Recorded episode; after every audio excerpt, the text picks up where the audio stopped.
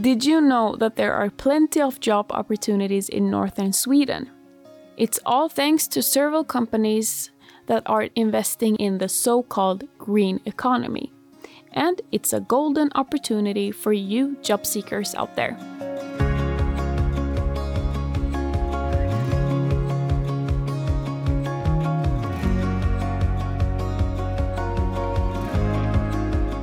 Welcome to the New in Sweden podcast, where we explain, give tips, and good advice for finding a job and working in Sweden.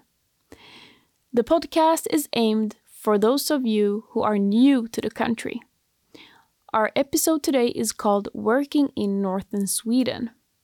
We are going to dive into the job scene up north, and we will also know more about Adam's history, who moved to Kiruna in Norrbotten from the south. And right here in the studio, it's me, Ziza Madani, and my colleague Per Axelsson, both working at Arbetsförmedlingen, the Swedish Public Employment Service. Ziza, it seems like everyone is talking about northern Sweden now. Yeah, and that's because some exciting things are happening up there right now. You know, back in the days when I was young, people from northern Sweden used to head south. But these days, it's like the other way around. Tell us what's happening. Northern Sweden is booming, and that means they are on the lookout for people to work in all kinds of jobs. Wow. How many jobs are we talking about here? There are talks about that almost 100,000 people will be needed for almost 200 different professions.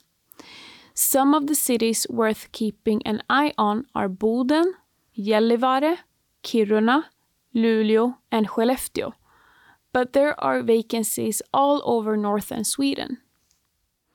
I'm curious about the kinds of jobs they are after. Do you need to be super educated for these roles? Mm, not at all. There's all kinds of job available. With new factories coming up, they need engineers, workers, professionals, and pretty much everyone. And these people need the whole package. They need food, healthcare, schools for their kids, everything really. Cities are growing and they're on the hunt for all kinds of skills, from retail and services to teaching, healthcare, and even IT. Plus, it's not just full time jobs, there are seasonal jobs too. This is super interesting. Let's talk about how to get started if you're looking to make a move to Norrland. Yeah, where do you start if you're thinking of heading north? Arbetsförmedlingen has this special page for jobs in the north. arbetsförmedlingen.se slash norr. There you will find job listings sorted by län which is what we call counties in Sweden.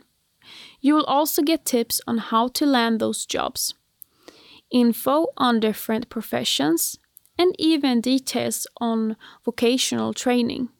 And trust me, this page is your new best friend. Great information, Ziza. Thanks a lot. And Arbetsförmedlingen had an interview with Adam, who didn't know a lot about Norrbotten before he decided to move there. Now he's working with home care and he's also studying. He moved to a city called Kiruna, and the picture he had of that place before he moved was not what it turned out to be.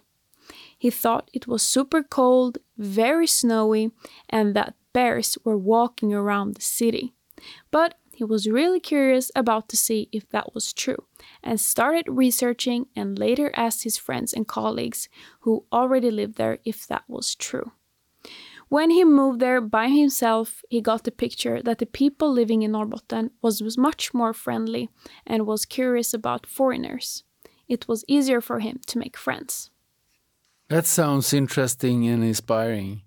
I love the bit about running into bears into northern Sweden. Is it true? Well, they do exist, but bears are very shy.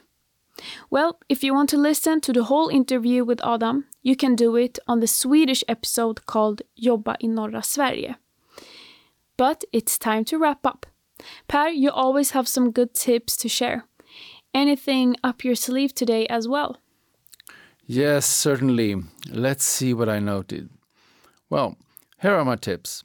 One, if you're interested in working in the north, the first stop is getting in touch with the commune you're heading to and asking about places to stay. Are there any homes available in the area? My second tip if you have kids and want to move, ask your new commune if there are schools or daycare nearby. The third tip ask potential employers if they can help with the move. 4. Most municipalities have a newcomer service called Inflyttarservice. It's their job to help you out, so don't be shy about reaching out for advice. And don't forget to check out arbetsförmedlingen.se slash norr. Per, any parting words before we wrap up? Look north. There are jobs in many industries, both now and in the future. And those will be the closing words. Thank you, dear listeners, for being with us today. In a few weeks, we'll be back with a new episode. Take care. You have been listening to the New in Sweden podcast by Arbetsförmedlingen. You can find all previous episodes at arbetsförmedlingen.se play. Have you got any questions, tips, or ideas? Please email us at podcast at arbetsförmedlingen.se. This episode was produced in the autumn of 2023.